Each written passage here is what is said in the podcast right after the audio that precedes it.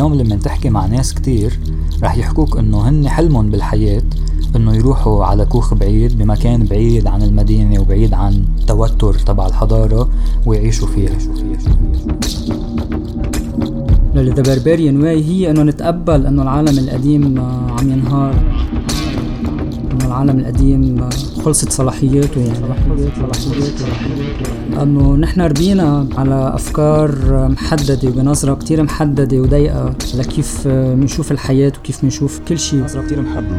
بنظره كتير ضيقه آه، بدنا نعمل اللا تعلم اللي هو إنه نطلع من باترن لقدام ونتحرر من الأوهام حتى يلي حملينا تجاه الحضارة اللي اللي أقنعتنا فيهم.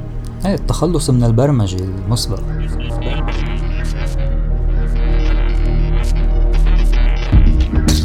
الحياة الجديدة بتتطلب يكون في لها قيم جديدة هي مثل البوصلة يلي بتوجهك بتعاطيك مع الحياة ومع الآخرين فيها.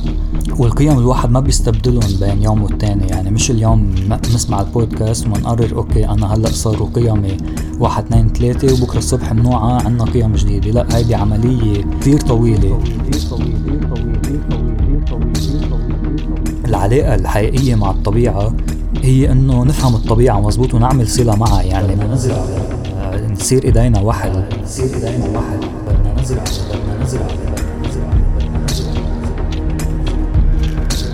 يعني أول خطوة بعتقد بالحياة العملية بريا إنك تبلش تبني استقلاليتك الحياتية. ماديا وعمليا. يعني إنه مش تكون مثلا الوظيفة هي مصدر الدخل الوحيد لإلك.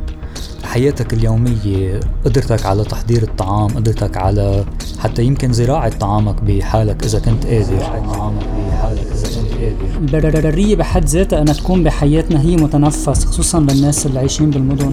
ولكن في أساس اجتماعي كمان للعودة إلى البرية هو الحياة ضمن القبيلة. إنه فعليا العالم الجديد اللي عم يخلق هو عالم بعد ما حدا عنده تصور واضح كيف رح يكون. ولكن قادرين نحن نخلق تصورنا الخاص بالعالم الجديد.